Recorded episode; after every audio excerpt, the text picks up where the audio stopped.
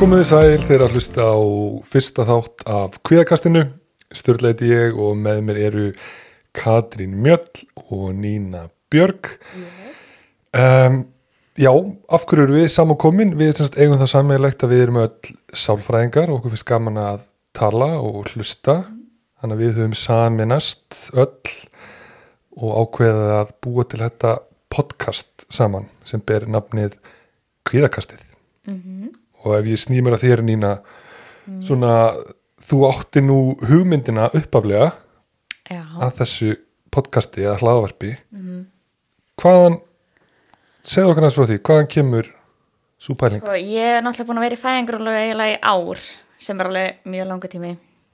Þannig að mér svona langaði að gera eitthvað svona skemmtilegt sem væri tengt sálfræði uh, sem væri svona meira svona skapandi, þú veist, mér skaman gera eitthvað líka svona skemmtilegt við það og við erum alltaf að vinna sem svona sálfræðingar brástofu, þannig að við erum að hitta bara skjólstæðinga one on one og það er ótrúlega gaman, eins og við ætlum að tala um líka eftir, en þetta var svona meira, þú veist, að geta svona frækt fólk og, og að tala um bara, já, þetta er svona það sem við erum að fara yfir í meðferð svona semi tala um það bara þannig að fólk getur hlustað og svolítið svona kannski frækt sér sjálft um eitthvað sem að kannski ég myndi segja að maður ætti að læra í skóla þannig sé sammála. Já, en já, mér langaði að gera bara eitthvað svona skemmtilegan þátt sem væri svona með svona sálfræði sett viðfagsefni og taka við til kannski við líka einhver svona sérfræðinga e, í geranum og já, fá svona hérna, leifa fólki að heyra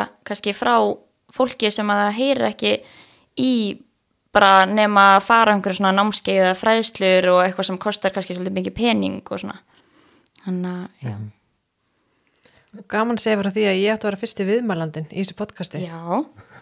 Var mjög peppið í það. Og ég átti að þrýfa eða ekki eftir? Já, já, já, já, þátti það var einmitt, einmitt. En já, svo greinlega einmitt kemur Katrín inn í þetta líka Já, ég ringdi sérst í Katrínu og var eitthvað, heyrðu, langaði ekki að taka eitt þátt með mér? og eitthvað svona, langaði bara að spyrja hana hvað viðfagsefni henni langaði að tala um. Og hún bara, heyrðu, má ég bara, eða þú veist, ég bara get til ég að vera með þér í þessu eða þið langaði. Og ég bara, já, ég held að þú hefur engan áhuga á því og mér fannst þetta eitthvað vera svo lúðaleg hugmynd hjá mér, ég held að einhvern veginn. ekki hugmynd, Já, það var bara ekki, ég ofur peppaðist það og var til í þetta. Svo bara einhvern veginn kemur þú inn í þetta stuli já, við vorum held ég á brettinu í ræktinni í vorklass þegar þú segði mér þetta fyrst. Og sjö á máta smotna held ég. Mitt og ég er náttúrulega ofpeppaðist, ég er náttúrulega þekki ykkur báðar og ég vissi að þetta er gott stöf sko. Og hérna hann að ég var bara mjög fein að vera búið með og, og hérna já, ég held að sé bara já, maður er bara spenntur. Og svo einhvern veginn svona enda þetta við vorum á einhverju djammi vinnudjammi Já. og þá ákvaðum við að gera þetta saman. Fórum á trún og einhverju sófa og ákvaðum að starta þessi podcasti saman. Já, Það var svolítið svo leir. einmitt, en já, ekki meir um djam já. Við djömmum Já, ekki.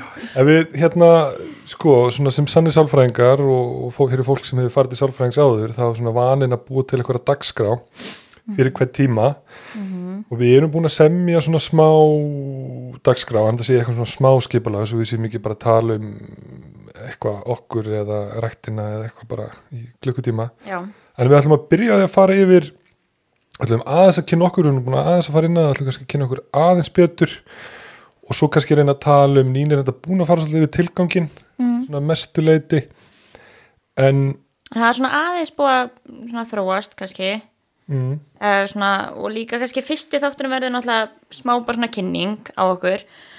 Og kannski að við eh, bara kynna þú veist, fyrst kannski hvernig þættinir verða per se og svo kannski hvað við tölum um í þættinum í dag.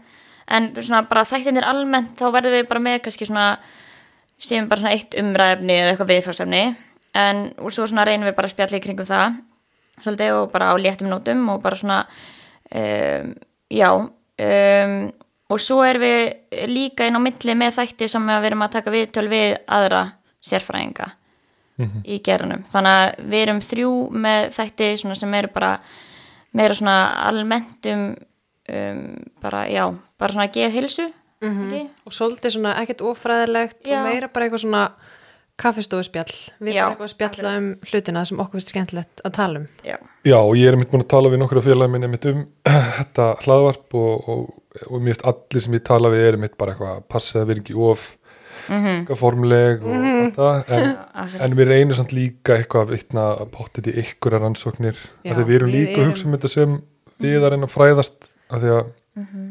það er svona partur af starfinu að vera að kynna sér svona nýjustu Já, akkurat. Við, það er bara gaman fyrir okkur líka að svona fara djúft kannski inn í einhver viðfagstamni sem maður er ekkert mikið kannski kynna sér eitthvað mm í almennt í meðferð en þú veist, þetta er líka þetta podcast er ekki meðferð, við þurfum að taka það fram. Já, það er mjög, veist, já, það það er mjög mikilvægt. Já, Þetta er meira bara svona, við erum að spjalla um bara almennt um lífið, þú veist, hvernig eru að tekla hlutina og hvernig getur tekla hlutina betur kannski og, og bara, já, það ekki, hvað myndið þið, þú veist, hvernig myndið þið lýsa viðfangsefnunum kannski? Jú, svolítið þannig bara. Þú veist, bara almennt um hlutina og já, bara eitthvað hagnýtt. Mér langar líka svolítið að sé bara eitthvað podcast sem að maður getur bara hlusta á og hugsa bara, já, ég ætla að prófa þetta sem þú voru að tala um. Mm svolítið passaði mig og Já, akkurat. já, algjörlega. Já, og svo ætlum við að nýta Instagram aðgangin svolítið til þess að svona fá líka eh, svona upplýsingur um hvað þið viljið heyra, þú veist eins og þú veist, ef að við ætlum að tala um eins og bara sjálfsmynd til dæmis, að þá myndum við bara setja á Instagram, þú veist, hvað viljið þið vita um sjálfsmynd og þá getið þið svarað í svona spurningabóksi bara, veist, hérna já, hvað þið hefðu svona einhverja spurningar eða pælingar og við getum svona farið við það. algjörlega. Ef ég, já, kannski spurning sko, við erum aðeins búin að pæli svona fyrsti þátturinn og fyrsti kannski tveir, þrýr að hérna, við viljum svona reynum að hafa þetta svona smá catchy, svona reyna að hafa þetta þannig að fólk svona flestir svona vilji hlusta og svona pæli í þessu og svona yfirheiti á þættinum í dag er svona svolítið almennt um sálfræðinga. Og svona ája að fara til sálfræðings hvernig maður að fara til sálfræðings og, og svona þess aftar Mm þannig að okkur fannst það oft af því að aftur ef ég vitna í umræður svona utan vinnu með svona vinum og annað þá er oft fólk eitthvað svona já ég er að pæla fara til sálfræðings ég veit ekki hvort ég á að fara og svo framins þannig að við ætlum svona að reyna að tækla þetta miklu leiti í dag. En áður en við gerum það að þá svona eins og ég sagði það langaði okkur aðeins en að kynast betur og, og ég svona frekar hann að fara í eitthvað svona rosa persónulegt þá kannski meira tengt starfinu og, og svona það að vinna sem sálfræðingur eitthvað svona þannig pælingar. Að því ég lendi oft í því þegar ég er í meðfæratími og mér að ég er oft spurður eitthvað svona hvernig fílar þetta og eitthvað svona og alls konar svona pælingar sem maður fær frá skjólstæðingum. En ef ég byrjaði að spyrja ykkur hvað finnst ykkur svona skemmtilegast með að vinna í meðferð, hver er svona ykkar áhuga sig það, því mér finnst það svona alveg áhugavert að heyra. Já, mér finnst það breytast ókslega mikið. Ég, hérna, ég vil ekki hljóma eitthvað mjög dark en ég elska að vinna með sjálfsvíkshugsanir já, Já, ok, já. sjálfsvíkshugsanir og sjálfskaða og sjálfsvíkshægðun það er bara mitt passjón held ég og svo sveiflast það líka mjög mikið. Ég er til með sem ælufælni núna á heilanum. Mér finnst það bara skemmtilegast í heimi að vinna með ælufælni. Bara og þeir sem vita ekki hvað ælufælni er að þá er það óttin við að æla og oft er óttin þú veist við það að æla fyrir framann aðra. Og meðferðin er svo ógeðslega skemmtileg. Ég held líka að það er margir sem að bara viti ekki að þetta sé röskun. Þú veist, þetta sé bara alveg geðröskun og er bara mjög hamlandi hver röskun. Já, og mér finnst líka mjög fyndið þegar maður er að byrja að tala um ælufælni með eitthvað sem er að lýsa, eitthvað skjólstæðing sem er að lýsa því og maður er að herra býtaðan sér að ná einnig eitt matslista fyrir því hérna, og það er bara, er bara til List. spurningarlisti um er ælufælni. matskvarðin Já, það er ekkert- er að flækja þetta neitt þannig að, algjörlega, en þetta er svolítið fyndið þú segir þetta vegna þess að ég get ímynda mér að þeir sem eru að hlusta og líka almennt svona sálfræðingar, ég held að þetta sé ekki að fyrsta sem fólki dettur í huga sálfræðingur myndi vera æstur í, ja, hljóma mjög illa, en svona áhuga sviðmæri þar Já, einhvern veginn svona aðalega en ég er alveg sammála, ég, ef ég fer aðeins í mig persónulega þá ég flakka líka rosa milli og mér finnst langt best að hafa þetta fjölbreytt. Þú veist, vinna, af því að við vinnum á öll á litlu kvíðamæfrastöðinni þannig að við erum mest að vinna með krökkum, úlingum og ungmennum. Þannig að ég er svona flakka rosa mikið á milli aldurs, þú veist, frá 6 þú veist, og upp í 20 þannig að maður vil hafa þetta svona fjölbreytt. Mm. Svona bæði aldur og, og raskanir. En stundum er ég rosa hrifin að vinna með félagskviða þetta er rosa gaman. Svo fæ maður meira áhuga á almennir kviðaröskun og svo framvegis. En ég er ekki komin á þann stað held ég að ég er með eitthvað svona eitt held ég. Mhm. svona eins og þú bara eitthvað ælufæli Mhm. elska Nei, og það. breytist sko. Ég man að fyrst var það félagskviði. Og ég var bara með félagskviði á heilanum og mér varst það skemmtilegast en svo fór það og mér finnst félagskviði enda mjög skemmtilegur en núna einhvern veginn finnst mér ælufælni ótrúlega skemmtileg. En mér finnst sjálfsvísugsanir og sjálfskeiði og sjálfsvíshegðun það er einhvern bara svona standard. Það hefur aldrei farið, það hefur aldrei hægt að vera Nei. áhuga svið þú veist að vinna með það. En ég held að, að það sem tengir okkur þrjú að einhverjum miklu leiti er að við erum svolítið að vinna með skjólstængum með þetta sjálfsvíkjum já. sjálfska í sér er á mjög fáum stöðum á Íslandi þessi þjálfun sem við erum í Já, sem er, þetta sem sagt heitir DAM meðferð sem er, já, hérna margir kannski kannast við HAM en ekki DAM. En við minnum kannski fara svona betur í kannski bara meðferðinar í svona sérþætti en allavega er þessi meðferð svona beinir sérstaklega aðskjórastæðingum með sjálfsvíkshugsanir og sjálfskaða Einmitt, og þess að stafum stendur fyrir dialektíska atferðlismeðferð og hún Inga Vestmann er að handlega okkur í þeirri meðferð. Mm. Hún er geggjuð. Já, hún er en Nína, við, svo við glemum þér ekki hvað er þér svona, svona Sko, þín ég, helstu var, ég var svona búin að pæla í þessu meira bara svona almennt og ég hugsaði bara, þú veist, hvað finnst mér gaman, þú veist, við starfið einhvern veginn, Mhm. ekki kannski var ekki búin að pæla mikið í svona hvað röskunum, en Já, já, svona en- félagsfælni er kannski nummer eitt þar, en mér erst geggjað að fara að gera svona atverðlistilunir með skjólstæðingum, bara út af því að þá fer maður, sérst, atverðlistilunir eru bara uh, þegar við förum með skjólstæðingum í aðstæður þar sem að við erum að prófa hvað, þú veist, prófa hvað kvíða hugsanar eru að segja og hvort þar hafa rétt fyrir sér. Erum að fara í einhverja aðstæður sem eru svona kvíðaveikjandi og gá hvort að, já, óttin, það sem að við höldum að muni gerast, hvort að muni í raun og veri gerast og ef það gerist er það mjög slæmt og svona og þá erum við til dæmis að fara í, þú veist, kringluna eða erum að fara, þú veist, bara út um allt og bara gera alls konar æfingar og þá er maður ekki kannski á skrifstofunni bara allan daginn, þú veist, mér finnst það mjög skemmtlegt. Og mér finnst það geggja punktur að því ég held að þetta sé ástæðan fyrir mér finnst ælufælni og félagskviði Já, skemmtilegust akkurat, að nákvæmlega. því að í félagskviðanum þá erum við að fara meðal fólks eins og í kringluna eins og þú nefndir og í ælufælninni að þá erum við þú veist náttúrulega bara hræðslan er við ælu og eins og í félagskviða þá fyrir við að hittum fólk og að tökum hvað gerist. En í þú veist þá er maður að búa til ælu og skoða æluna og, og þetta er svona þessar tilraunir sem er svo skemmtilegar Já, finnst það ekki. Já, ég er reyndar, já, mjög sammálaðan ínur reyndar, ég elska að fara mitt svona í kringluna eða laugavegin eða í strætó eða Mhm. ræktin eða eitthvað og einmitt að því að það er svo fyndið að sjá þau fatta hvað þetta er mikið ofmat hjá þeim mm -hmm. bara eitthvað þau eru búin að reikna með að bara öll kringlan sé bara að fara að glápa á þau og bara og það er bara einmitt bara stöðtu fréttendur eru bara mættar og, og hérna þannig að það er rosa gaman að sjá þau upplifa það og finna einhvern veginn kvíða minka hjá þeim bara í og ég held að það sé ekkert allir sem kannski vita það að þetta er svona starf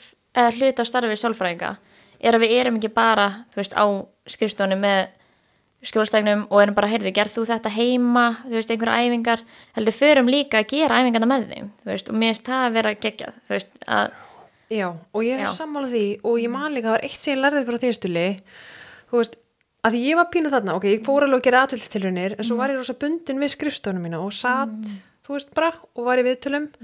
En svo kom stulli einhvern tímann til mér og bara, "Á, ég átti geggjaðan tíma ég var bara eitthvað hérna út að labba með einu strák. Og við fórum bara þessi körfu og vorum bara að tala um tilfinningar og það var bara geggjaði tími og ég eitthvað Já, einmitt, ég þarf ekki að vera sitjandi inn á skrifstónu minni að tala við skjólstæðingin ég get líka bara eitthvað labba með viðkomandi. Og margir eiga mjög erfitt með að sitja lengi. Þú veist eins og ef að Mhm. mannskjær með ADHD þá er mjög erfitt að sitja í 50 mínútur og vera að tala um tilfinningar. Þannig að þá er geggja að fara út í körfu þú veist, og tala um þær. Já, og bara bæði fóreldrar og svo skjólstængandi sjálfur ég, þú veist, þau eru held ég bara já, bara mjög ánægð að maður sé einhvern veginn að leita leiða, þú veist, til að ná umræðefni í gang og, einmitt.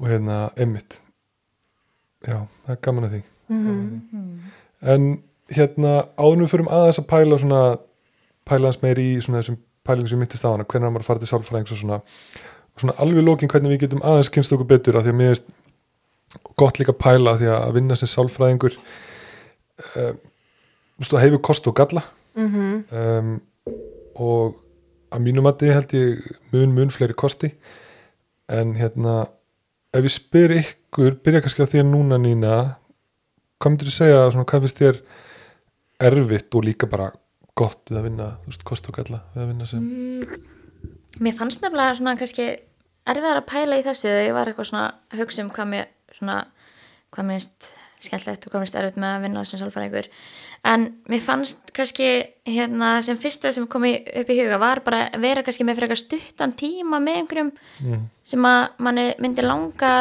geta verið með bara í 2-3 tíma eða þú veist, bara hitta oft í viku eða eitthvað svo leis og bara þurfa að býða bara, heyrðu, þú veist, þá til næstu viku út að þetta er náttúrulega kostarlega sitt og, og við myndum alveg vilja sjúkratryggingar að væri að byrja að greiða niður tíma, þú veist, þannig að maður getur ekki verið að hitta skjólstæðin kannski eins oft og maður myndi vilja bara út af pening, skilur við mitt þannig að mér finnst það svolítið erfitt bara að maður veit að mannskja þar, þar fleiri tíma þar meiri tíma frá manni og svona og bara einhvern veginn getur ekki þú veist, veitt það eða skilur við mig þannig Já. að mér finnst það ótrúlega krefjandi sko. Já, og bara eitthvað svona, þú veist, það, við vitum að það væri bara eitthvað best fyrir skjólstæðingin að koma í þrjá tíma en hann hefur bara efna einum. já, Getum ekki veitt bestu meðferðina. nei, akkurat. Ég er alveg samanlega það er mjög erfitt. já, Já, ég hafði reyndar ekki hugsað þetta akkurat, ég var meira að hugsa eitthvað svona en þetta er reyndar já, þetta er mjög oft já, erfitt og maður hefur alveg já, bara já, þetta er já veist, bara, og þá er maður bara eitthvað heimi hjá sér bara er að fara að sofa og liggur upp í rúmi bara, herðu, ó, mér leiður svo yfir að þú veist, þess er ekki að fara, þú veist, koma aftur fyrir hann eftir, þú veist, tværi vikur eða eitthvað, Einmitt. þú veist, og maður tekur þetta alveg með sér heim, þú veist, það er líka sem er erfitt við starfið, að þú veist, þetta er fólk með, sem maður byrjar alveg að tengjast að einhvern leiti og, og vill að þeim líður betur og þú veist, ná árangri og það líka tekur á að svona bera svolítið ábyrð. Á sér skilur og maður finnst maður að byrja ábyrð á meðferðinni en getur svo ekki eins og segir beitt kannski bestu meðferðinni og, eða veitt bestu meðferðina út af einhverjum svona já, það er rétt sko. Já. Ég, og mér finnst sko, ef ég kem inn á bara það sem mér finnst erfiðast, það er einmitt líka þetta, veist, að hafa ekki alveg stjórnina, þú veist, að kemur einhver inn í rosalega mikið vanlegan og mann langar að hjálpa og maður veit hvað viðkomandi þarf,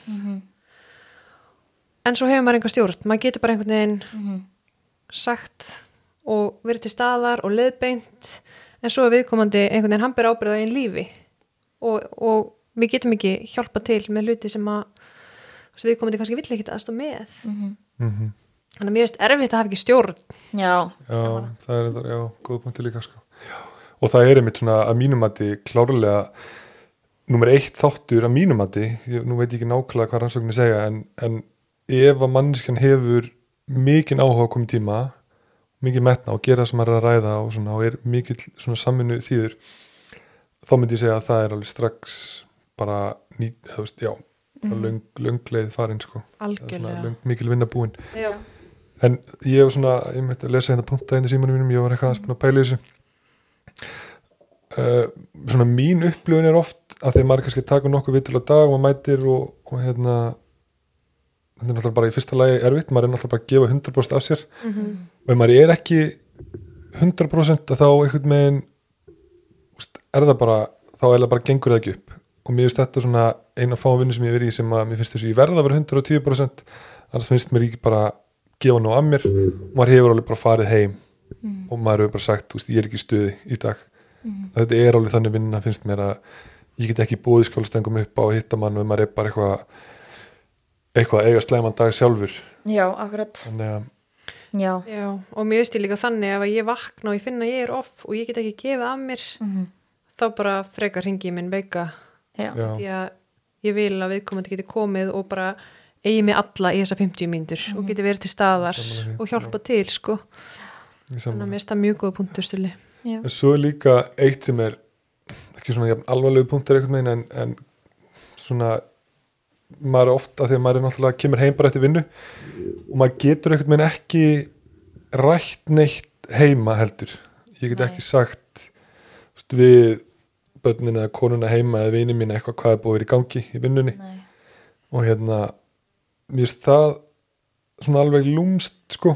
Og þetta er meira þú sér ekki heim ég, svona, ég þarf bara að fá tíu myndur og fer inn í herbyggi bara með slögt ljós og leggst niður. En ég get ekkert þú veist sagt eitthvað nán eða eitthvað ítalega hvað það er nei, akkurat. En ég minna það er svo sem ekkert að því en, en Já, ég er alveg samanlega, mér er það samt alveg krefjandi, þú veist, að maður kannski eins og líka með skjólstæðingahópin sem við erum með, þú veist, að einhver er í sjálfsvíkstættu og, og líka, þú veist, þarf kannski að hafa samband við mann utan vinnutíma og svo er maður bara þarf að, þú veist, svolítið að láta eins og ekkert hafi gest, út af maður má ekki ræða við neitt um það, skilur En þá er sem er við svo frábært að við séum í þessari damhandlislu því að Já. við getum leita til hvers annars. Já, við getum tala um þessa luti okkar á milli og leita til yngu ef eitthvað kemur upp á.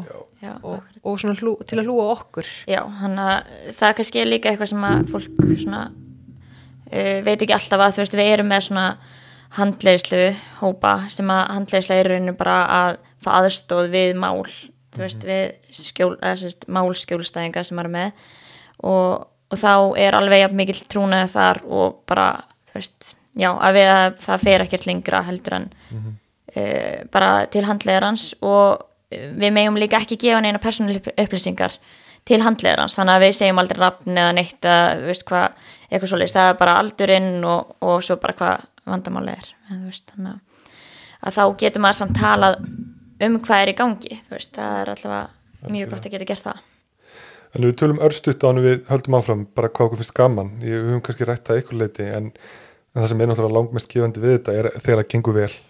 Já. maður fær skjólstæðing til sín fyrsta tíma og maður fær bara ekki auksamband og bara valla neittni umræði í gang. Og svo maður er bara að hitta hann í x tíma og bara koma í góðan stað. Að þá einhvern megin bara er maður svo ógislega gladur og þá bara í dagurinn bara þannig að þetta er alveg líki hinn áttina. Þú veist þá fer maður bara heim og maður er bara í geðugum gýr og, Já, akkurat. Og hérna hann að þetta er alveg þetta er alveg gott líka. Ég held að það sé geggjaða punktur. Að þetta er alveg þannig starf að þú veist það er erfitt þegar það er erfitt en það er geggjað þegar það er geggjað. Já, Já, og þetta er svo, já, og þetta er svo gefandi og þegar maður sér einhvern veginn fólkinu sínu þú veist, það gengur vel, það gefur manni svo mikið Mhm. en ég er sammálið því sem þú ert að segja stöli það er bara emitt einmitt. en mér finnst líka bara algjör forréttindi að fá að setja með fólki og hlusta það tala og leiðbina því. Og þau eru að tala um þess að skipti þau mest máli í lífinu sínu. Já, Já, og mér finnst þetta svo ekki sjálfsagt nei. að bæði bara fólki treysti manni og maður sé í sér stöðu að fá aðstöða sko. Og mér finnst líka einmitt, þetta er mjög góða punktur ég, hérna, að því að mér finnst því og ég segi það alltaf, ég er bara strax í upphæðu við erum í þessu saman og hérna bara þetta meðfæra samband, veist, við ætlum bara að vinna í þessum kvíða saman og, og einhvern veginn og og, og nú dattum mér hvað ég ætlaði að tala um. En já, það er eins og uh, myndlíkingin mér er svona svo góð með að þú veist, við erum svolítið svona GPS-tækið og skjólstæðingun þarf að keira leiðina, þú veist, þannig að þetta er svo mikið, þú veist, við erum ekki hérna uppi og bara sérfræðingur og þú veist, þú ert þinn Já. sérfræðingur í þínu eigin lífi, skilur þú veist best um hvað er í gangi á þér. Já, algjörlega, algjörlega. Og nú man ég mitt, Já, hvað ég ætla að segja en einmitt að maður er sjálfur líka læra svo ógislega mikið. Og ég bara reyfi upp núna daginn í dag hjá mér það var bara fullt af hlutum sem ég sagði held ég bara fimm sinnum bara eitthvað, vá, heyrðu, þetta er bara aldrei þetta og þetta er geggjaða punktur og þannig að maður er líka sjálfur stöðut að læra og hérna einhvern megin, þannig að maður er sjálfur í meðferð allan daginn. Ef svo má segja mér finnst þessu bara mastersnámið, mér finnst það bara að vera bara meðferð í tvö ár. Jú, bara, ok, ég bara er að læra svo mikið um Já. sjálfa mig og lífið bara sjálft, þú veist, það er Einmitt. og bara hvernig var þetta ekki kent í grunnskóla og mentaskóla og hvernig er ég bara, þú veist, þrítug og veit þetta ekki eða eitthvað? Þannig, að- en já, mér, ég skrifa líka hjá mér að mér finnst bara mest gefandi þegar einhver bara, þú veist, byrjar að skrá sig í draumanámi sitt eða, þú veist, eitthvað svona bara, og maður verður bara svona, vá, bara ég er svo invested í þínu lífi, þú veist, mm -hmm. maður er bara að hitta einhvern svona oft og hann er bara, eins og segir, að deila með sér bara öllu sínu persónulegast í sínu lífi, þannig að þetta er bara, mér finnst þetta náttúrulega, já, það er bara svona toppurinn í vinninni, sko. Já, viðkomandi er að lifa lífinu sem hann langar til að lifa og við erum svolítið bara svona aðstofa með það. Og mér finnst svona mest gefandi líka þú veist að bara einhvern veginn verða ómissandi. Að viðkomandi getur bara einhvern veginn hann er mitt verður bara svona sérfræðingurinn þú veist, fær mína þekkingu og er náttúrulega sérfræðingurinn í sjálfum sér og þarf ekki á mér að halda lengur. Þá er ég bara eitthvað, já, vá. Já, það Þetta er ekki, bara- ertu ekki meina þá ekki ómissandi Ó, var ég að segja að ég var já. Nei, guð. Já, þú meinar, þú veist, Þess að vegna voru þið svona skrítin og svip Já, Já, þú veist, meina þú verður, þú veist, þannig að þú ert ekki ómissandi. Nei, ég vil vera, nei, jú, jú, ég vil eh, ég vil að þið þurfi ekki á mér að halda lengur. Já, ok, á, ég er mjög ringlega líka á en ok, ég skil út við, en ég held að þetta hafi verið upp. Það er þetta að sjá svipin á okkur. Ég vil náttúrulega bara vera ómissandi. Að eilífu.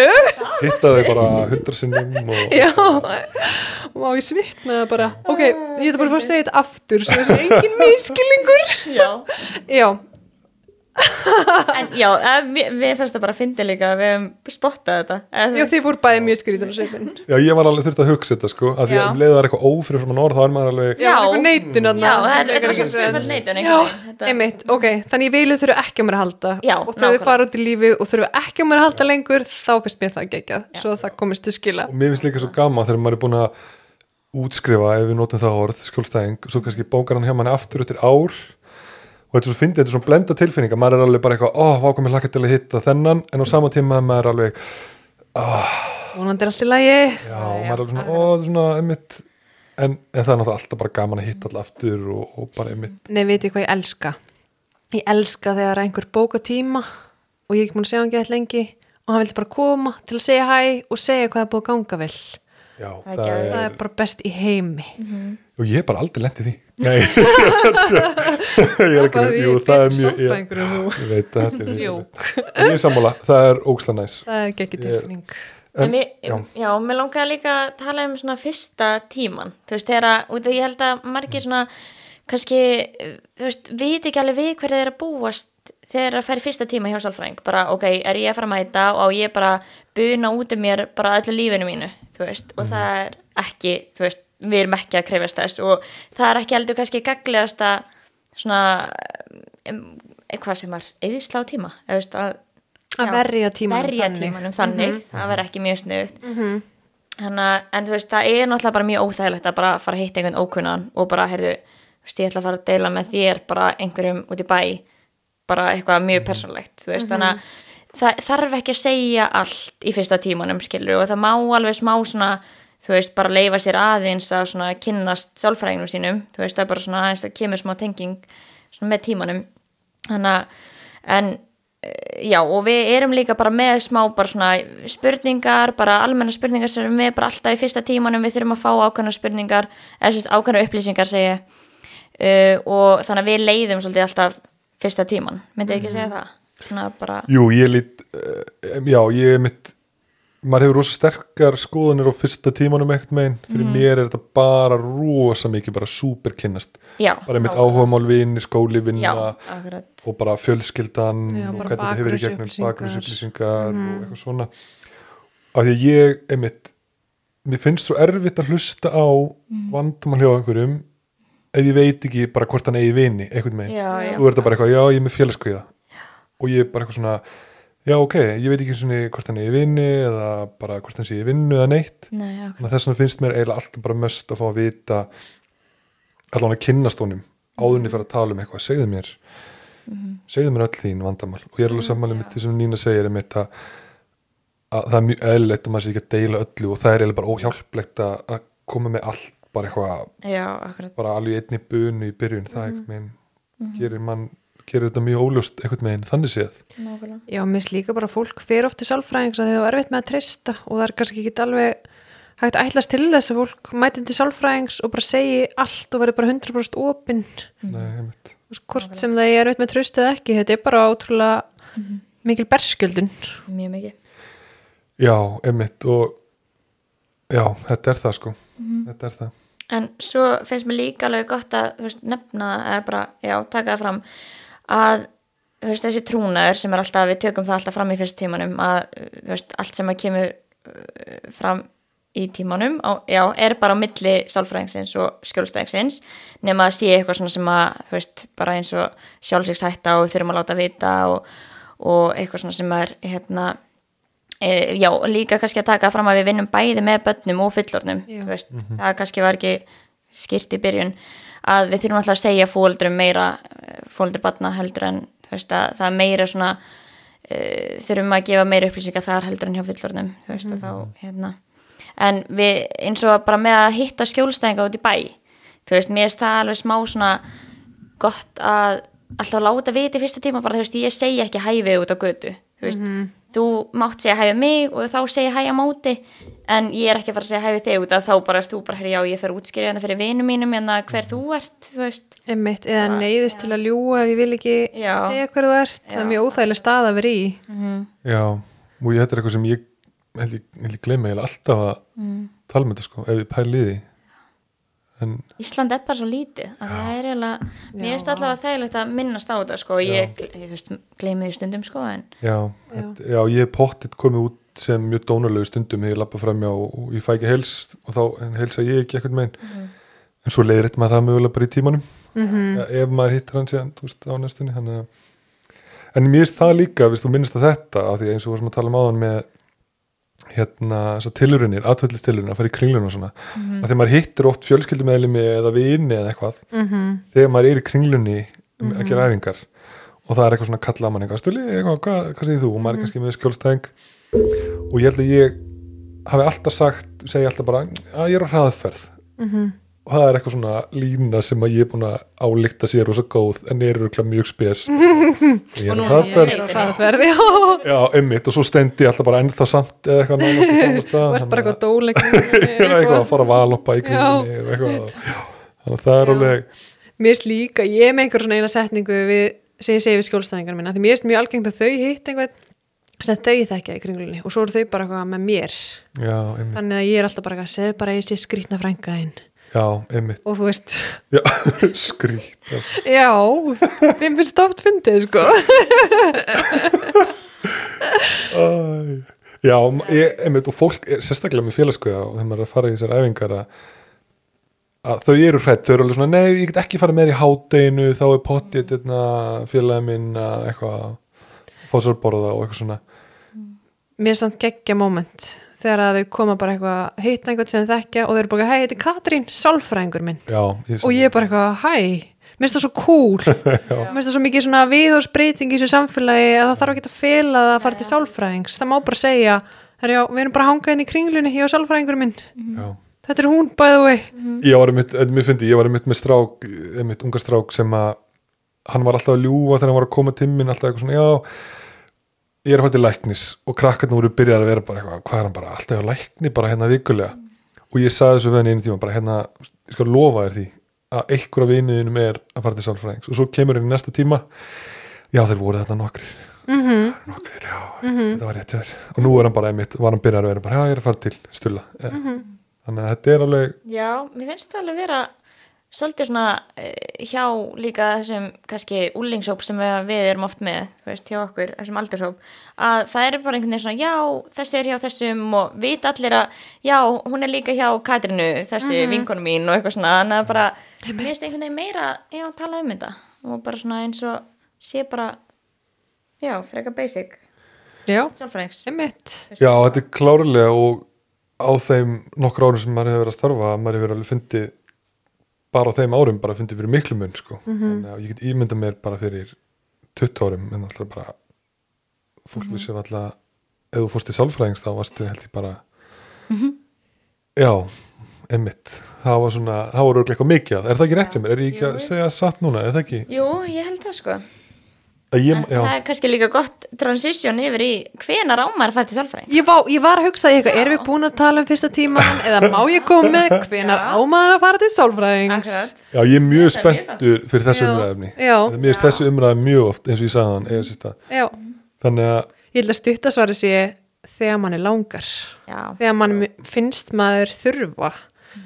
Og mér finnst líka bara eitthvað svona mómenti þegar maður kannski finnur að maður er kannski búin að reyna að tala um þetta við sína nánustu, þú veist maður er kannski í einhverju vanda og maður er ekki einhvern veginn að tala um það við fólki sitt. Og maður þarf einhverju meira aðstöð að þá getur maður kíkt til sálfræðings. Þú veist maður langar bara einhvern veginn að spekla hlutina sem maður er að gangi í gegnum. Það þarf ekki að vera eitthvað mikið að til að fara til sálfræðings. Nei, það þarf einmitt ekki að vera einhver já, heyrðu, ég held bara ég sé með hérna klínskan félagskviða, ég held ég sé hérna með almenna kviðariskun eða OCT eða eitthvað. Það er alls ekki þannig, það er bara ef manni líður ekki vel. Ef þetta er að hafa tröfluna á daglegt lífi eða bara ef maður er að spá í því, þú veist, maður vill einmitt fá eitthvað til að bara spegla við sig. Eitthvað svona hlutli svona aðala alveg klálega, bara þegar mann er langar ég held að það sé svona besta stutta svarið. Já, mér finnst það svona líka, þú veist, kannski þetta er búið að vera kannski eitthvað svona minnstur, þú veist, ég er alltaf að finna fyrir þessu þegar ég er búin, þú veist, alltaf að finna fyrir einhverjum kvíða þegar ég er fyrir þetta vini mína eða alltaf döpur þegar ég fer að sofa eða eitthvað svona, þetta er eitthvað sem að er svona minnstur hjá manni, þá er það ekki kannski bara eitthvað, já, ég er bara á hérna slemma dag eða slemma viku og bara nóg að tala með um pappa eða bara, þú veist, tala um vinkunur eða eitthvað, þú veist, mér finnst svona stundum við kannski viljum ekki vera bara eitthvað já, bara allir er að fara til sálfræðings ef það er eitthvað að bara mann liður eitthvað illa þá bara til sálfræðings. Auðvitað, þú veist, er alveg hægt að líka nýta sér bara þetta að tala um hlutina upphátt og til að setja smá svona í samengi bara að hérna tala um hlutina skilur en samt svona já, ef það er eitthvað sem er bara, þú veist, þú ert búin að tala um það eins og segir og svo bara er það ennþá vandamál, skilur Já, mér finnst það að vera mjög góð svona kannski vísbending. Og ég var líka búin að skrifa svona niður hjá mér einhver svona vísbendingar sem var svona kannski svona lúmskar vísbendingar um að maður gæti þurfti einhver aðstóð mm, spennandi. Já, æ, bara eitthvað sem er dætt í hug en þú veist, ég, þetta er ekkert eitthvað svona já, ok, eitthvað sem að mér fannst vera svona kannski einhverja hérna, já um, það er eins og að vera með stutta þráð. Að vera bara svona pyrrast mjög bara svona yfir einhverjum litlum hlutum. Þú veist, það er, er oft svona vísbendinga það er kannski eitthvað svona ef maður er sérstaklega með kannski svona bara, bara svolítið mikinn svona kvíða mm -hmm. daglegu lífi þá er bara mjög öðveld að hægt að pyrra mann eitthvað svona litli hlutir. Mitt og svo skrifa ég líka eins og að maður upplifir sig svona aftengdan umhverfinu eða fólkinu í kringum hann. Mm. mér finnst það að vera svolítið lúmst já, sem að svona margir tala um bara eitthvað svona já, ég bara með leið eins og bara ég er í herbygginu en ég bara svona er ekki að, þú veist er ekki tengdur einum og bara einhvern veginn er eins og ég sé ekki bara hluta af samtalenu einhvern veginn. mitt er það ekki þá líka svolítið ef maður svona reynir, ég er ekkert með að reyna mm. áttum á því er það ekki líka þá svona maður hefur ekki bara einhvern veginn áhuga á því sem maður er að gera líka er það ekki Jú. einhver hluti það Já. Maður er í bara, þú veist, ef ég var að spila töluleiki sem ég elska að gera ég væri bara eitthvað Vá, ég er ekki einhvern veginn að tengja við þetta núna. Eru ekki svolítið, er. Jú, þetta ekki líka? líka, svolítið? já. Þetta er svona, já, er svona sem væri kannski svona lúmskara vísbendingar um, þú veist, að, að maður þyrfti kannski aðeins að, að fá einhver aðstoð eða bara líka huga að sinna eigin líðan, bara byrja, svo segir, kannski að gera fleira á neila hluti eða eitthvað leis. Um, svo væri líka með hérna, að maður fær óvænt svona ofsakvíðakost Mhm. upp úr þurru. Það finnst mér líka vera bara mjög mikið bara vísbending um að vera gott að leita til sálfrængs að það er bara hérna svona, já, er auðveldlega hægt að, að fá meðferð við því á mjög stuttum tíma að vera að fá svona óvænt ásækauðkost um, svo verður líka með hérna að fá svona endurminningar af einhverjum ákveðnum atbyrði það er líka þú veist, kannski er svolítið mikil umræði um svona áfallasteytur í dag en það er bara, þú veist, kannski að fá bara allt í einu bara minningu af hérna, þú veist, bílsleysinu sem lendir í bara að poppar upp á random tímum eða eitthvað svo leis þú veist, það er svona uh, já, er þið með eitthvað svona fleira eitthvað tengt þessu? Já, einhverju vísbendingar? Já, ég held líka bara leið og þú veist, farin að finna fyrir miklum, þú veist, kvíða einkennum í líkamannum sem eru farin að trubla þig. Það eru ekkert endilega að vera einhver ofsakvíðakost eða einhver svona kvíðakost sem eru að koma óvænt. Bara ef að kvíðin er mjög líkamlegur og mjög hamlandi, að þá er fínt að leita til sálfræðings. já, Og líka kannski, þú veist, svona endur upplifunir eða svona líka bara að maður er rosa mikið að hugsa um eitthvað ákveðið atvik. Já, og það getur verið eins og svona í félagskviða bara ef maður er rosa mikið að hugsa um að maður sé að fara að hitta einhvern og undirbúið svo rosa mikið eða þegar maður kemur tilbaka og er að endurspila í hugunum allt sem að var óþægilegt eða vandræðilegt mm. leða maður er svona svolítið fastur í huganum og kannski nær minna að taka þátt í lífinu og er meira svona bara einhvern veginn að grubla eða velta sér upp úr hlutunum í hugunum, bæði fyrir aðstæður í aðstæðum, eftir aðstæður já, það er góða, mjög góða punktur sko. Ég, einmitt var punktanir hjá mér tvo hluti hérna í tengslu þetta. Og það sem ég held að sé alveg svona freka mikilvægt og af því að fara til sálfræðings það er gott að taka fram að það tekur tíma, þú veist maður þarf að bóka tíma á það byggtímin er í dag því miður. Oft 6 til 12 mánuðir eða bara minna eða stýttara líka. -hmm. og ef að vandinni þess eðlis að þetta er eins og vorum að ræða á hann sjálfsvík hugsanir eða kannski svona já þess háttar. Mm -hmm. þá kannski þarf maður að fara ykkur aðra leiðir og, og hérna, og til dæmis að heyra hann bara fara inn á landsbytala í bráðmóttökuna eða á, á hérna, já, Já, eða bara ringi einni tvo ef maður er í bara hættu og tristir ekki sjálfum sér. Mhm. algjörlega, þá er maður ekki hérna að fara á, á ykkur sálfræðast og gera beðinni hérna ég með sjálfsögsanir og Og býða í átta tíma, nei, átta mánuði kannski eftir já, þjónustu, bara alls ekki. algjörlega, þannig að einmitt já, það er held ég rosa gott að við huga. Og eitt sem er líka sem við reddum svo sem aðeins á henni byrjun upphafi að, og ég myndist á að það sem er svona oft bendi mest til finnst mér og er held ég örgulega miklu leiti, svona góðs árangurs er að vilja koma. Og oft er það þannig að foreldrar einhvern megin að einhver leiti draga stundum að mínu, mínu upplifun stundum börnin með, þau vilja einhvern megin ekkert koma, þeim minnst ekkert kannski vera að. Og þau kannski draga barni í tíman til sálfræðings og maður finnur bara eftir fyrsta tíma að það er engin tenging og þau vilja ekki koma að ef það er engin kvatið til staðar að þá er mínu upplifun að maður er ekki að vera Nei. koma. Því að þá einmitt er maður kannski búin að hitta einstaklingin í fjögum skipti. Og hann ennur ekki að vera að koma vandina þetta staðar, hann er ekki að gera neitt í því að þá þróa hann með sér þetta viðþorf og þetta virkar ekki fyrir mig. Mm. og þá kannski eftir tíu ára ef hún actually vill leita sér aðstofar þá kannski upplifur hann að þetta hendar mér ekki Já, og tengir sálfræðing bara við einhverja neikvæða tilfinningar og þetta verður bara ekkert hjálplegt eða ánægilegt fyrir neitt. algjörlega, þannig að ég allan svona ef ég tala, ég held að þetta eigi svolítið við, við fóreldra, ef, manni lang, ef bönnum langar ekki að fara þetta er samt rosa tvíekjasverð af því að stundum vil ég ekki koma já, þetta er rosa tvíekjasverð ég finn það bara að ég er að ræða þetta núna.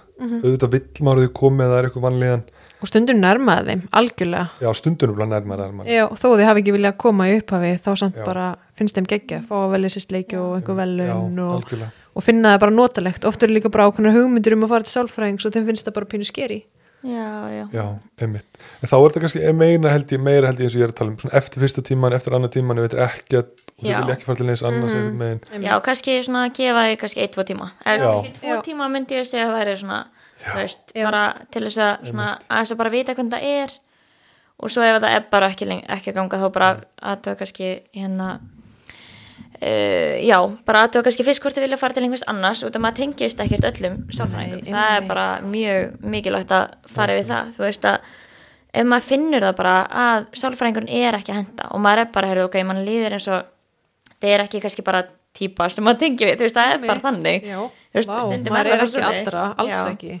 Þannig að þá þarf maður bara að veist, hérna byggja um bara einhvern annan. Og við tökum því ekki persónulega. Það er bara, þú veist við vitum þetta öll skilur og, og það er bara ekkert mála og líka betra heldur en að hætta og reyna svo að koma aftur að hjá einhverjum öðrum út af þá þarf þetta að býða aftur í byggtíman þú veist, sem er aftur 5-6 mánuðir eða eitthvað skilur þannig að, eða, þú veist, ef að þú ert að hérna hættir hjá einhverjum og svo bara er ég að gera nýja byggni eða skilur mig, þá færi bara aftast í bunkan skilur Já, ég held líka eins og litlu kviða meðferðastöðinu þar sem við erum held ég, ég held þessum 17 núna.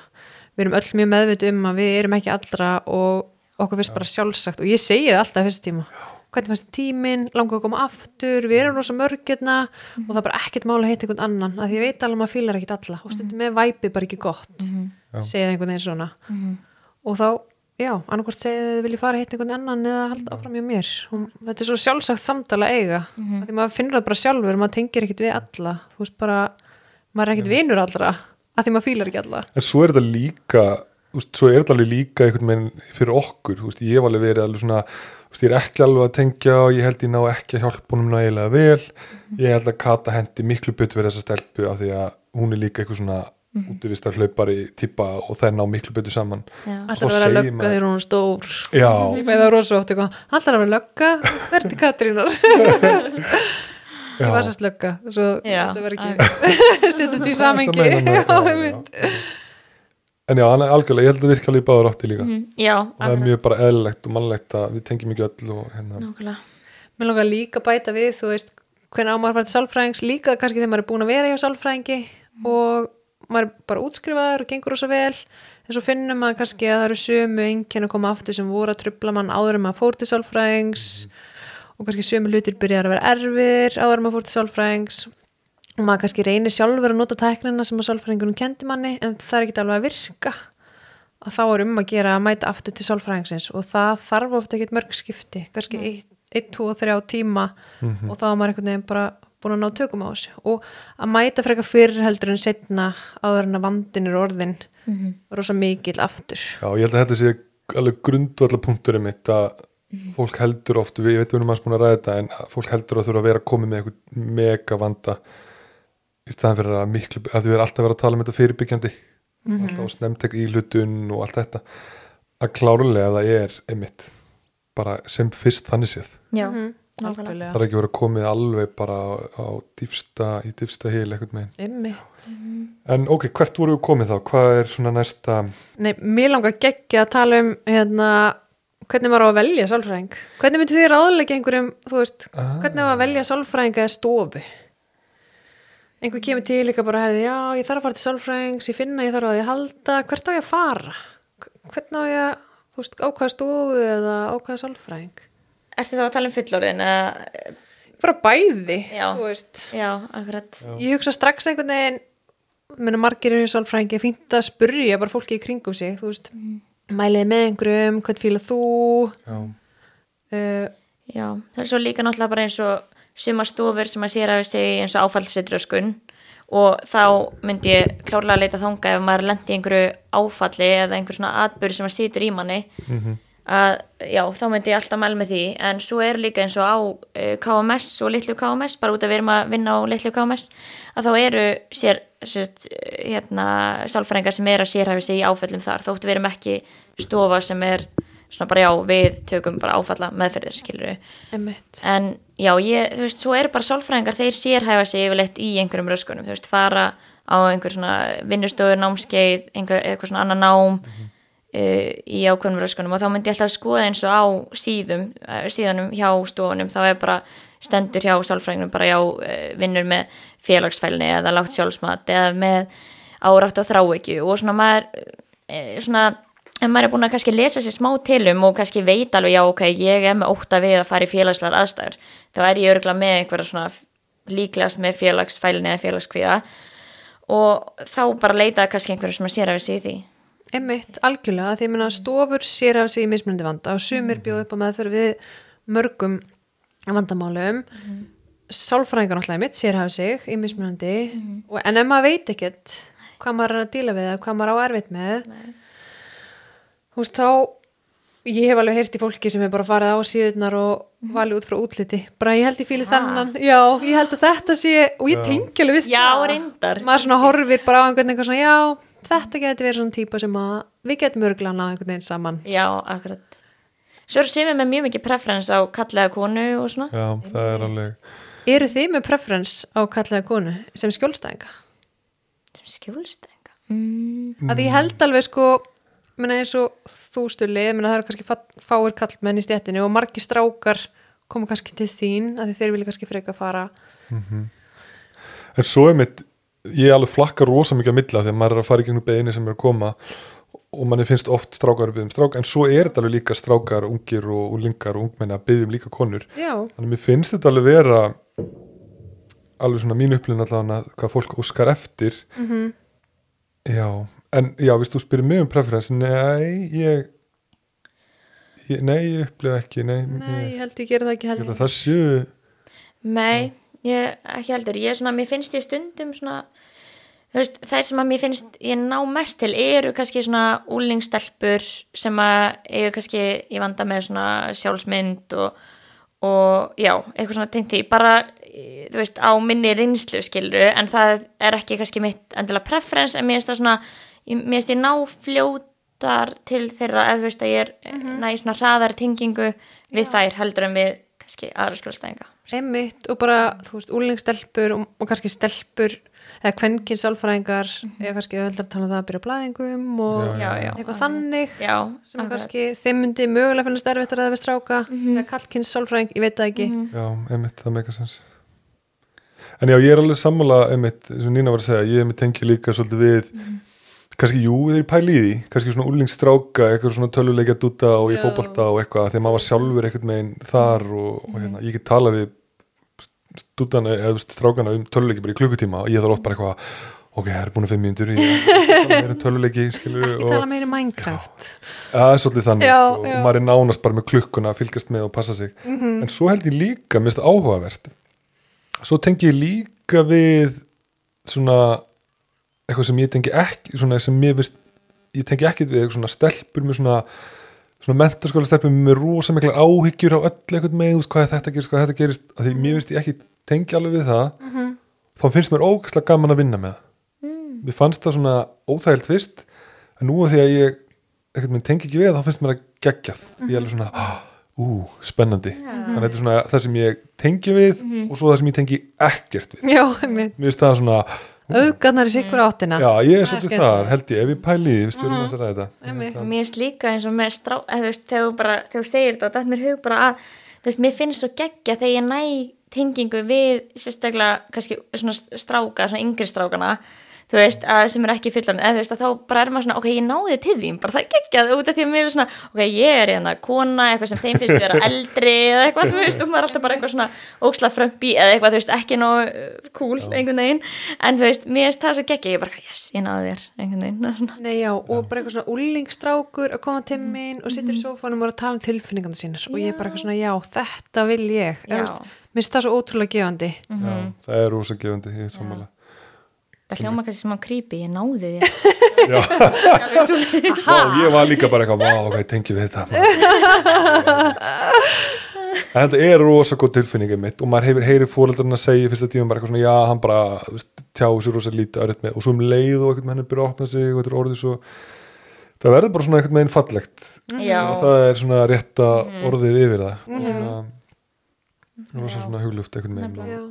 En svo er sem er líka mikilvægt að þú veist taka fram að því við erum kannski mikið búin að vera að tala um litlu KMS og stóru KMS sem er þá fyrir fullotna að það er líka hægt að velja sálfræðinga stofu bara út frá verði, menn það eiga allir rétt á því að fara bara á helsugeslu já, fá þjónustu hjá sálfræðingi þar og það náttúrulega er ódýrara. Já, já, já 100% að það, þú veist uh, maður myndi alltaf kannski mæla fyrst með að fara til heilsugjæslana út af því að þau eru sérstaklega með svona vægan til miðlungsvanda á heilsugjæslanum Já. og þú veist, byggtíminn gæti verið lengri þar og þá ef þetta er meira aðkallandi þá frekar að fara á einhverstofu Mhm. þú veist, og en ef að svo ef að hérna, þú ert hjá heilsugjæslinu og þeim finnst vandin vera alvarlegur þá vísa þau á landspítalan Mhm. en hérna, já, þannig að þú veist, auðvitað myndi maður vilja byrja á heilsugjæslinni en oft er mjög langur byggtími að náttúrulega er eiginlega bara nýbúið að bæta við stöðugildum, það er þú veist, bara 1-2 sálfræðingar á kannski flestum heilsugjæslum eða hvað, núna búið að bætast við kannski eftir að það var svona átak um, ég veit það ekki Ég alveg bara ekki Nei. ekki alveg en já, þannig að það er svona En svo langaði mig líka að koma með annað umræfni, þannig að ef maður er hjá sálfræðingi, mm. hvenar veit maður að maður á að finna sér annan sálfræðing? Ef maður svona bara er einhvern veginn, ég kannski er hjá sálfræðingi og ég er einhvern veginn finna þetta er ekki alveg nú gott fyrir mig eða ekki það sem ég vil eða ekki það sem ég, þú veist, já ég er ekki að fá náðu mikið út tímanum Já, er svona merki um bara að ég er að skipta um sálfræðing? Eru þið með einhver svona punta þar fyrir fólk?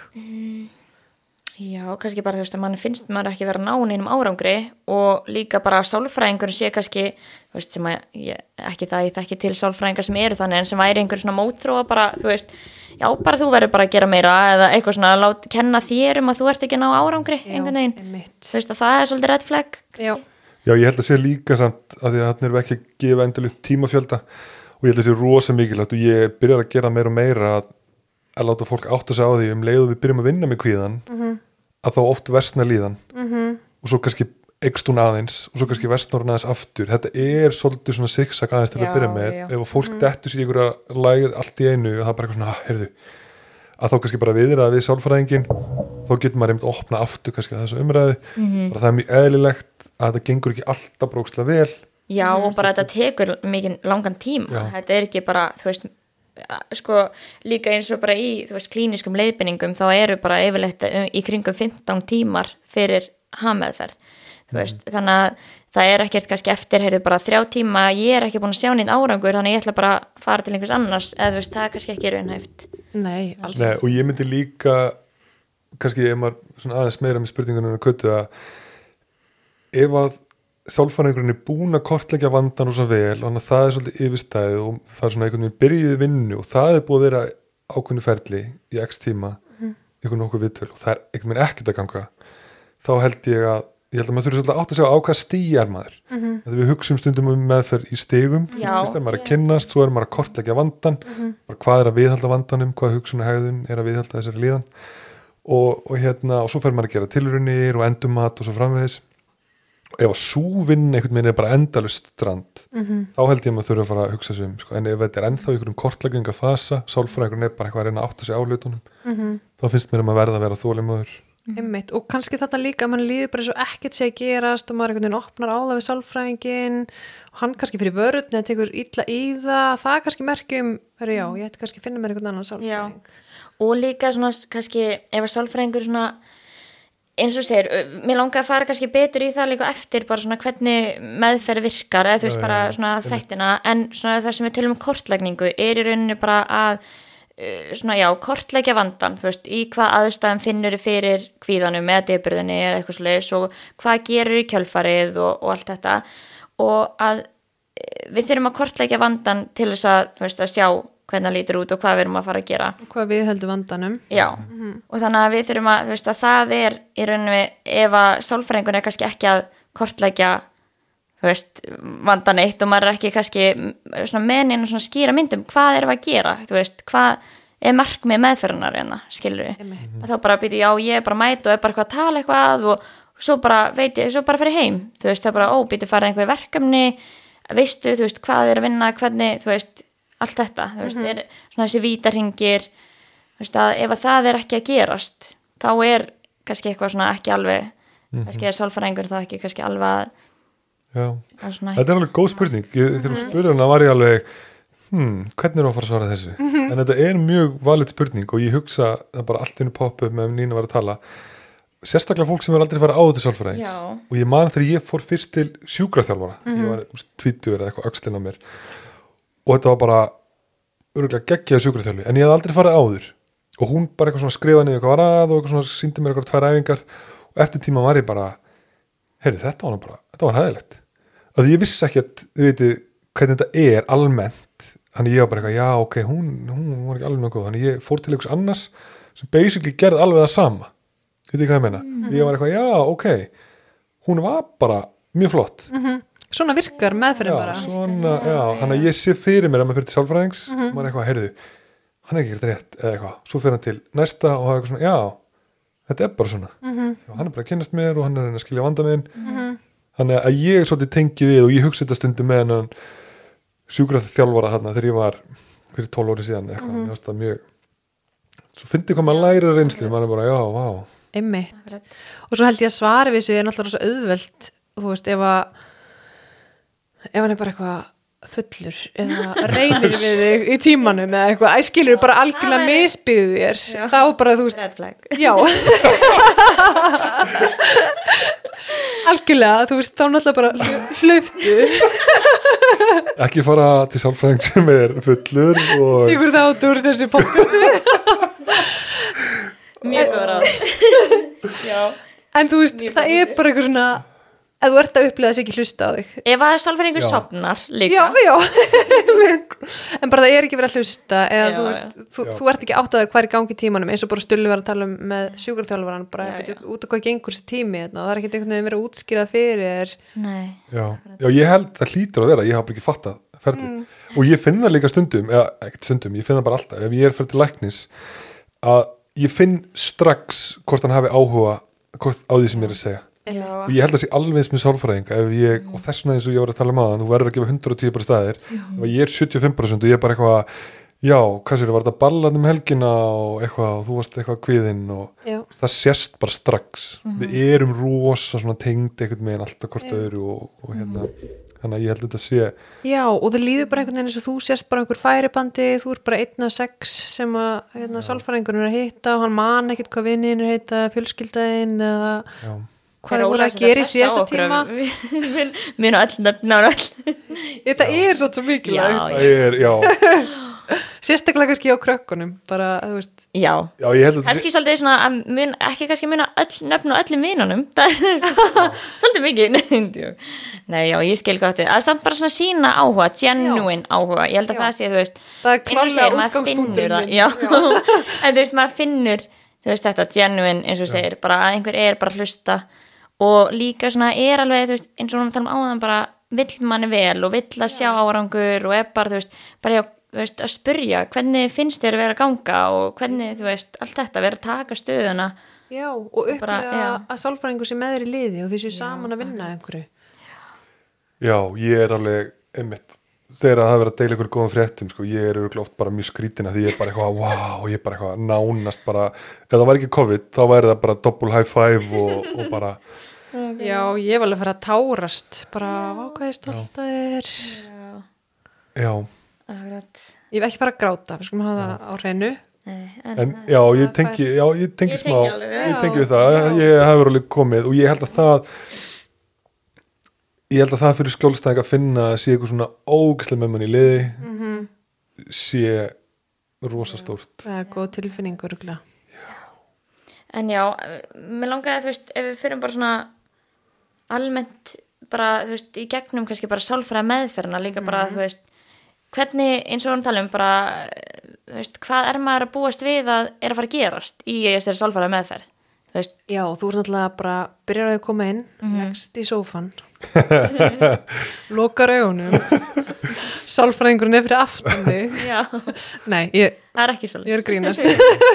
það er svona fröytist við erum ekki því. Nei, En mér finnst það mjög krútt, það er ekki mjög algengt, en mér finnst mjög krúttlegt þegar að ég hef verið með nokkra svona tíu ára sem hafa komið og lagst í sófan já, já, það er alveg og lúmst spjallaði sálfræðing, mér finnst það mjög sætt. já, ég nefnilega, ég spyr rosa oft ég held ég gerði alltaf, krakka sem eru að koma svona, hvernig, veist, er þetta eins og bjóst við, bjóst við ykkur öðru? Já. ég fá oft eitthvað svona ég held að þetta væri bara svo að vera að koma til læknis. Ég er með þann draum, þetta hljóma kannski skrítið að vera eitthvað tíma taka viku eða eitthvað, að vera bara í svona læknislopp og vera með eitthvað svona hlustunarpípu um hálsin og veit ekki hvað ég meina? Og taka bara alla leið. Nei, ekki neitt. Nei, Ég ok, sé fyrir mig bara, I have a dream. Já, ok. Og svo ert þú í lækna slótt Og svo, hvað gerir svo? Nei, eh, bara þessi húmor þau halda oft þetta sé bara svipa nánast og þetta er læknis. skil, já, já. og svo mæti ég hérna, þú veist Já, risin sem ég er grá eitthvað, hérna, þú veist, Siggi eitthvað, og hann bara lítur á mig og ég er í svona læknislopp með svona pípu og... Þú ert gert þetta á næsta Halloween Já, ég var einmitt í þessu. En sjáu þetta ekki fyrir ykkur samt? Jú, og vera með er ógeðslega jafnvel eitthvað svona, svona sprautu smá vatni. Þess að sé að koma í bólusett Vá, mér finnst þetta bara ljóma svo hryllingsmynd. Ok, ég er hérna spólum. Baka. ég er að grínast, ég tekið allt tilbaka Það er ekki satt. Já, og Jú, við nei, byrjum mikla verðingu fyrir læknastjætinni og Já, já, ég verður svo þetta er svo hryllingsmynd. Já, en já, það er þið með eitthvað svona sem að, þú veist, s- þið segja alltaf fyrst þegar fólk kemur eða eitthvað inn. já, ég er bara ég er örgulega eins og spilu ég gæti held ég þegar fólk kemur til mér nánast ítt á play bara á út með handrit. Ég er með sem að handrit og það sem að bara þú veist, ég kynni mig og þú veist, einhvern veginn fæ nafni, spyr um gælnöfn og hérna tala um trúnaðinn og spyr hvort þau að fara á til sálfræðings. Já, og svo tekum hún ofta eitthvað svona grín eitthvað ef þau hafa ekki farið til sálfræðings eitthvað svona úff þetta og veist ekki við ykkur þú býst núna og eitthvað Já, svona þú veist, þannig að þannig jú, maður er alltaf með eitthvað ákveðna rullu en svo náttúrulega klárlega aðlaga með sig að þú veist, ef þau hafa farið áður og hversu oft og einhvern veginn, þá finnum maður strax. Og rullan er bara hana í fyrsta tímanum, fyrsta mómentið, bara út af því að við þurfum að koma svo mörgum frá okkur, bara svona, þú veist, bara já, trúnaðurinn og allt þetta, þú veist, það er ekki út af því að við erum eitthvað, einhver vélmenni, bara eitthvað að taka gemörg viðtölu eða eitthvað, þetta er bara Nei. út af því að þú veist, það þarf að, þessar upplýsingar þurfa að koma fram í fyrsta tímanum og það er svona megið ekki gleyma ákveðnum hlutum, þú veist, þannig að já, já, klálega annars algjörlega, því það er bara algjörst, það er bara hræðilegt ef að hérna, maður er ekki búin að útskýra trúna en og eins og Nínu kom inn á áðan sem er svolítið bara það að hérna í rauninni allt sem við tölum um Mhm. er bara í trúnaði, bara pínu svona eins og leyndamál sem að mátt ekki, eða ég má ekki segja neinum þar sem þau, þau, þau eru að segja mér. Mhm. en þau með þess að segja öllum. Þar sem þau eru að ræða já, við sálfræðingin ég hef brent mig á því það, já, ég, en nei, sagt hérna að þið með ég segja allt heima eða eitthvað.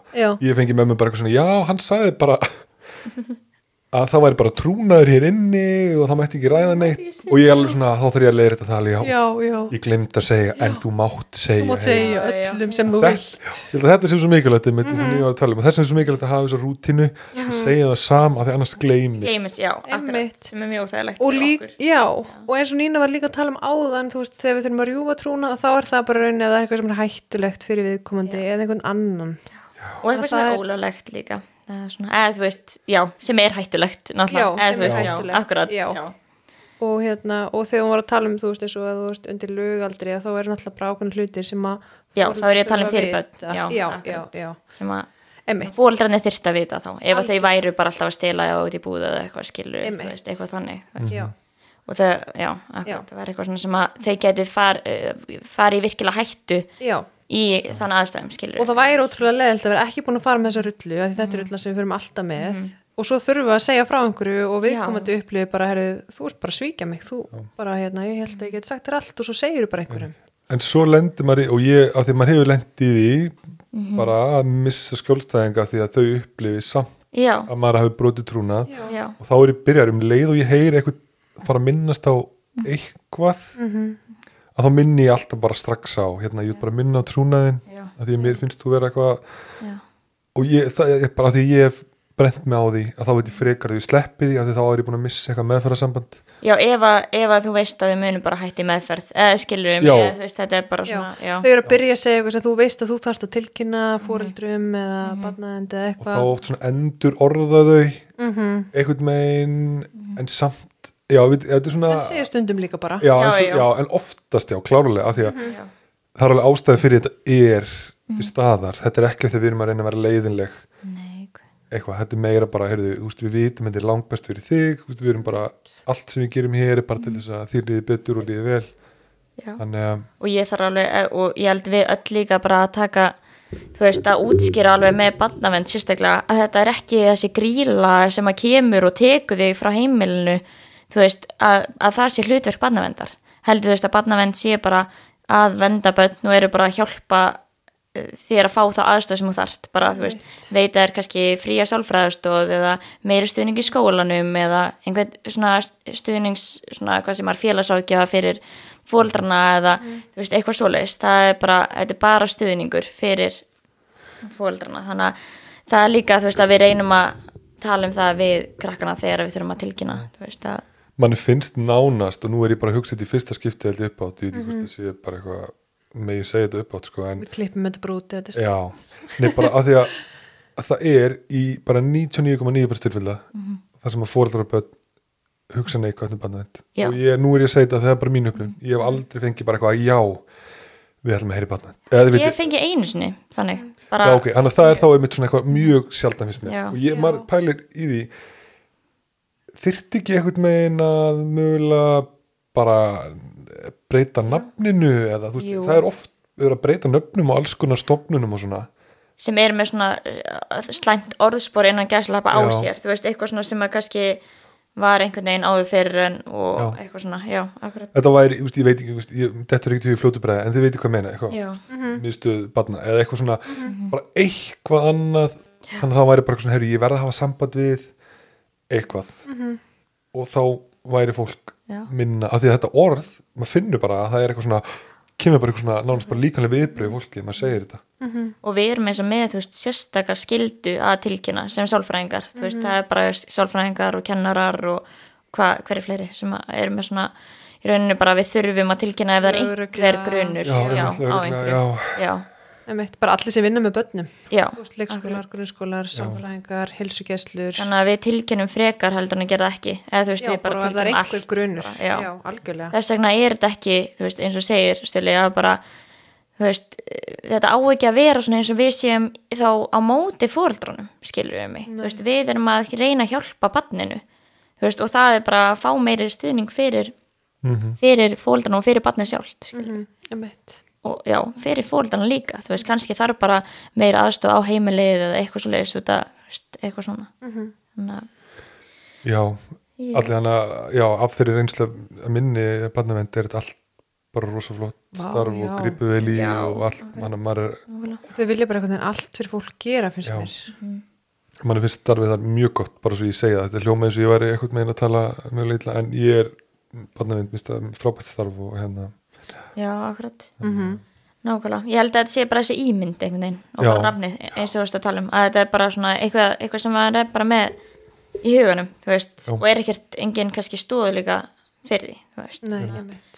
En já, þannig að við erum kannski þá búið með, þú veist, fyrsta tíman, við erum bara eitthvað að spyrja spurninga og svona og svo eftir að fyrsta tíman þá kortlegjum við vandan og þá erum við bara að fara yfir eitthvað svona típiskar aðstæður þar sem að mannskjan finnur fyrir kvíða, ef við, ef við segjum að þetta sé kvíðaröskun, bara til þess að einfalda kannski aðeins svona scenarióið, skilur við, að þá erum við bara að reyna að finna einhver típisk dæmi og, og úr daglegu lífi þar sem að þú fannst fyrir kvíðanum hvað þú hugsaður, hvernig er leið hvað þú gerðir og svona reyna svolítið að sjá saman svona finna út úr, ok, það er einhver vítarhingur í gangi, þú veist, hvað hvar getum við stoppað hann, þú veist, hvar getum við gripið inn í og svona reyna að finna út í svolítið saman, eins og við vorum að tala um aðan myndi bæta við einhverju við það þú veist, Já, mér er svolítið gott líka bara að við erum að reyna að komast að bara kjarnanum, hvað er það sem þú hræðist mest? Að því við getum verið með bara marga skjólstæðinga sem eru með skólaforðun en þeir eru að forða skólan út af mismunandi ástæðum.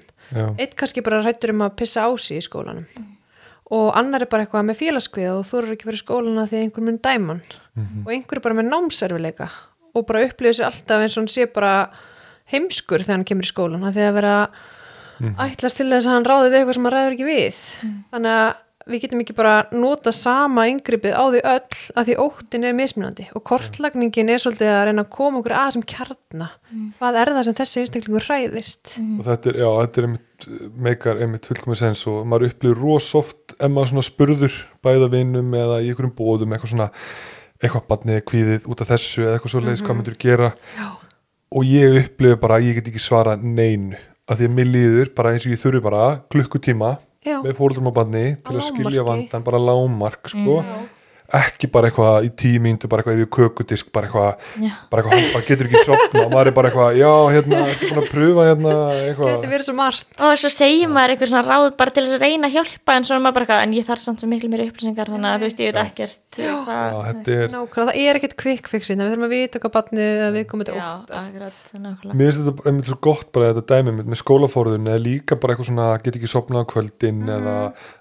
þetta bara með, með eitthvað er miljón mismöndi ástæður. Já, og þá er þessi kortlægning úst, grípa þessa hegðun, bara þessi litlu hluti úst, hvað er að viðhalda þessum kvíða og það er þessi hugsun og þessi hegðun.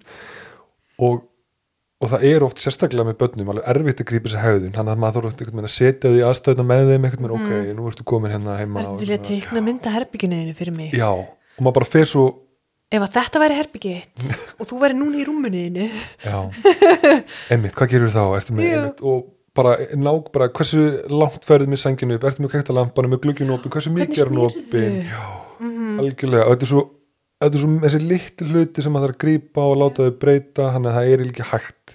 Þannig að ef það eru með sálfræðing í fermingavislu eða eitthvað, ekki spurnur á, hlaupið bara í byrstu. sko. Eða á djamminu Já, Aha, já, Hver eru ekki lendið því að vera króðar af á barnum? Þú ert sálfræðingur. Það er. Ertu að lesa hugsaninu mín? Já, ég veit Ég hef reyndar ekki heyrt það mjög lengi. Ég heyrði það samt alveg fyrst þegar ég var í Vá, ég- BS-námanu eða eitthvað. Ég hef heyrt það oft hverju manni ekki orðið sem við nota alltaf? Ertu að grein- Sálgreina mig, sálgreina mig. sálgreina mig, já, já, já, Já. akkurat, já, það er það sem fólk segir Já, ert akkurat. að sálgreina mig. Og ég segi alltaf bara, já, ég er aðeins núna. Þú gerir það bara. Já, Ég, nú, já, já, ég er hugsanum Já, það. já. Þú ert mikið vanda. Stórt vandamál í sig Það yfirleitt Já, en herru, hvert eru komin? Eru Já, við, svo ætlaði bara svona almennt í bara gegnum meðferðina, þú veist, að bara svona, mér langar líka að koma með kannski bara einhver svona tips fyrir, þú veist, fólk sem er að fara til sálfræðings, bara hvernig getur nýtt meðferðina betur, þú veist, bara hvernig getur fengið sem mest út úr meðferðinni? Og þá er eins og bara nummer eitt er, þú veist, eh, sem er oft mælt með að taka upp tíman sína Einmitt. Og hlusta á það aftur út af því að þetta er eins og við vorum að tala um bara klukkutíma á vikufresti eða tvekja veikna fresti og svo kannski mannst ekki það sem að þið voru að tala um eitthvað slegist eða þá er búin í meðferðinni og langar svona að rifi upp eitthvað svona sem við tölum við tíma. Að bara hlusta á það aftur þá getur verið mjög hjálplegt að bara þá, já, bara svona syngast upplýsingina betur. Þetta er bara alveg eins og, þú veist maður fer ekki bara eitthvað í einn píanotíma á viku og svo bara eitthvað æfir sig ekkert meira eða skilur og bara æskilur um mig, þú veist að þetta er svona já, og þannig að mér varst það að vera kannski svo bara líka eins og ef maður er með einhver svona einhver svona pælingar, eitthvað sem maður langar að tala um í tímanum, bara skrifa það í notes. Herðu, Já, ó, þetta er- þetta er ógæslega góð punktur. Er það eru margir sem hafa spurt mig bara á ég að koma undirbúin tíman á ég að vera búin að skrifa niður allt sem ég langar að tala um? Eða á ég bara eitthvað svona bara go with the flow svolítið. Þú veist, og ég held að sé ekki rétt svar hérna. Nei, það er alls finnst ekki samt alveg gott að, þú veist, ef að fólk hefur eitthvað svona sem að, þú veist, það vill, eða svona tala um, Já. þá er svo oft sem að er eitthvað svona, æ, mér- já, ég man ekki alveg hvað ég var að pæla með þetta, þú veist, Einmitt. bara gott að skrifa niður in the moment, út af því að, þú veist, þá er líka kvíðin í gangi, þú veist, ég er að fara í partíið og er bara drulli kvíðin, þá er momentið til að skrifa hvað ert að pæla, þú veist, hvaða hugsanir eru að koma fram. þú hefur svo greiðan aðgang að þessum Já, hugsunum þá. akkurat. og líka kannski að þú ert típa sem að verður kvíðin fyrir því að mæta til sálfræðings þetta er náttúrulega, þú ert að berskjálta ótrúlega mikið og hveðkerfi er í gangi og þú nærði ekki alveg aðganga framheilanum og raukugsunni í tímanum þá er rosa gott að vera búin að skrifa það niður og vera búin að ákveða hvað ætlar að Já, segja hvað þið finnst mikilvægt tíminn fari í. Já, akkurat. mér finnst það, þetta mjög góð punktu nýna Já. Og já, um, eitthvað meira sem að ykkur dættur í huga? til að hámarka það sem að færa út úr meðferðinni. Já, svolítið svona bara, og líka bara, þú veist, já, bara almennt, bara kannski líka um meðferðina. Ég, Ég held sko, ég hugsaði strax að þú varst að tala um að taka tímana, ég persónulega held allan að skjólstæðagandi sem ég er með svona 60-20 aðla ég held að myndi ekki hlusta á tepin, ok, ég held, nú held ég það ég held bara að þau myndi ekki hafa að ég, kannski er þetta villist hjá mér en ég er rosa mikið að láta þau bara skrifa. Já, akkurat. og bara eitthvað svona, þú veist, ef ég er að tekna eitthvað á töflu eða ég er að segja eitthvað og þú veist, eitthvað svona, þú veist, hugsan er ekki alltaf um eitthvað réttar eða eitthvað svona, og bara skrifa það niður og af hverju er það og tökum eitthvað dæmi. Hann að þau eru með þetta allt skráð niður. Já, og hver var setni punkturinn aftur, það er Að skrifa niður í notes. Eða, þú veist, já, já, og skrifa niður, já, ég já, í, já, eins og það segja, já, í stórumáli er það held ég alltaf gaglegt, ég er bara Já. einmitt brett með á því að það hefur bara komið svo bara eitthvað svona já. Já. ég myndi ekki að segja að það vera alltaf gaglegt því að svo hefur maður líka alveg verið með fólk sem að er búið að punta eitthvað niður og það er bara með bókina sína og það bara víkur ekki frá já, því þannig að þetta, þú veist, maður þarf einhvern veginn kannski að fara millivegin hann Já, út af því að uh, sálfræðingurinn er líka fara eftir, veist, meðferðar svona prótokoll, eða þú veist að við erum, með, við erum að vinna í félagsfælni meðferð sem það og þá eru svona tímanir eru í ákveðnum skrefum og við erum að gera næstu æfingun og eitthvað svona þótt að þetta sé náttúrulega einstaklingsmiðað eftir hva, hver vandin er hjá einstaklingnum og hvernig hann lýsir sér. En þá kannski er svolítið erfitt að bara svo kemur í tíma með heila bók sem að þið langar að tala um þú veist, allt í henni Já. en þá er kannski bara gott að kannski lefa sálfræðingum að lesa og bara ok, ef að bæta við að við tölum sérstaklega, er eitthvað sem þið langar sérstaklega að tala um af þessu, þú veist Já. kannski taka eitthvað eitt eða tvent eða þú veist, Já. eða eitthvað þema í þessu Já. eða eitthvað þannig sem Já, og allt er lægi einn og einn tími fyrir það að fara yfir eitthvað sem að þið langar til að ræða en þú veist þannig kannski ekki allir tímanir fari það að þú ferði yfir bókina en þess að skrifa alveg niður frá A til Ö Akkurat. En svo er líka ég held að sé gott að grípa það líka bara að fara til sálfræðings og maður er alltaf að fara til sálfræðingsins og maður er með nýjar og nýjar áhugjur alltaf einhverjum einsta tíma sem svona þessir sem er almenna kviðraskunni eru með oft.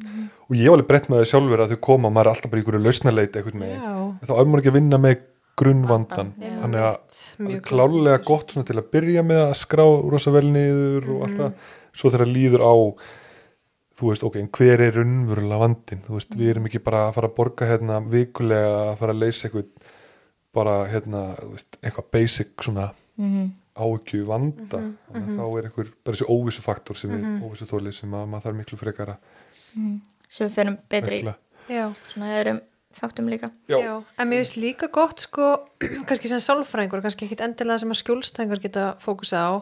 Bæði það sem er gott þess að þú tala um bara upp að við hérna, podcastins núna að við séum með dasgrá þannig að skjólstæðingur viti hvað með búast við í tímanum. En svo veist mér líka bara algjörlega krúsjáli ég er alltaf farin að gera það núna að spyrja í lokin bara eitthvað, hvað tekur þú tímanum? Þá getur maður bæði sko heyrt hvað þau út úr tímanum líka leiðrétt ef það er eitthvað ég lendi að vera kannski með hérna, skjólstæðin hjá mér og hann bara já þú náttúrulega greindi mig bara hérna með þunglindi og ég er svona Nei, það, ég gerði það ekki ég, Já. Þú veist, við vorum að tala um að vera með einkenni þunglindis eða, Já, já. eða við þurftum að skoða það betur þannig að þá getur maður líka leiðrétt kannski eitthvað sem að þau mistúlka, eða þannig Einmitt. já, nákvæmlega Já, það er góð punktur. Ég held að ég gerði það ekki alveg nú oft held ég, einmitt, hvað fannst þér svona, hvað tekur með þér? Ég, maður gleymi alveg stundum, ég spyr oft eitthvað svona, fannst þetta hjálplegt? Já. frekar einmitt að spyrja, þú veist, hvað fannst þér? Ekki svona, frekar opna spurningar einmitt. Einmitt. Mér finnst að við getum líka nota þetta kannski svolítið á Instagraminu hjá okkur. Þú veist að hérna bara eftir þátt, þáttinn eða þú veist þegar við gefum út þættina að bara spyrja hvað, þú veist, tækið þið úr Oh þættinum my god, já, það var geggjað. Mm og þá getum við bara til þess að svona líka fá bara svona svolítið svona stikkorð eða, ekki stikkorð, heldur bara svona setningar eða eitthvað bara já, bara þú veist, mér varst þetta grípandi eða, eða eitthvað svona skilur og þá er líka gaglegt fyrir okkur, þá veitum við hvað er svona Algjörlega, já. Vá, geggjað punktur og já, kannski líka gaman að deila því, þú veist, svörunum líka Einmitt. en er þetta ekki bara komið gott hjá okkur í dag eða? Jú, hvað eru búin að vera lengi? Ég átti með enga veginn á tímanum. Um, erum búin að lengi, Þú fljótt að liða. yes, jú, Oh my god. Það er takk fyrir að hlusta. Já. Þú ætlaði bara að Ég var bara að fara að skalla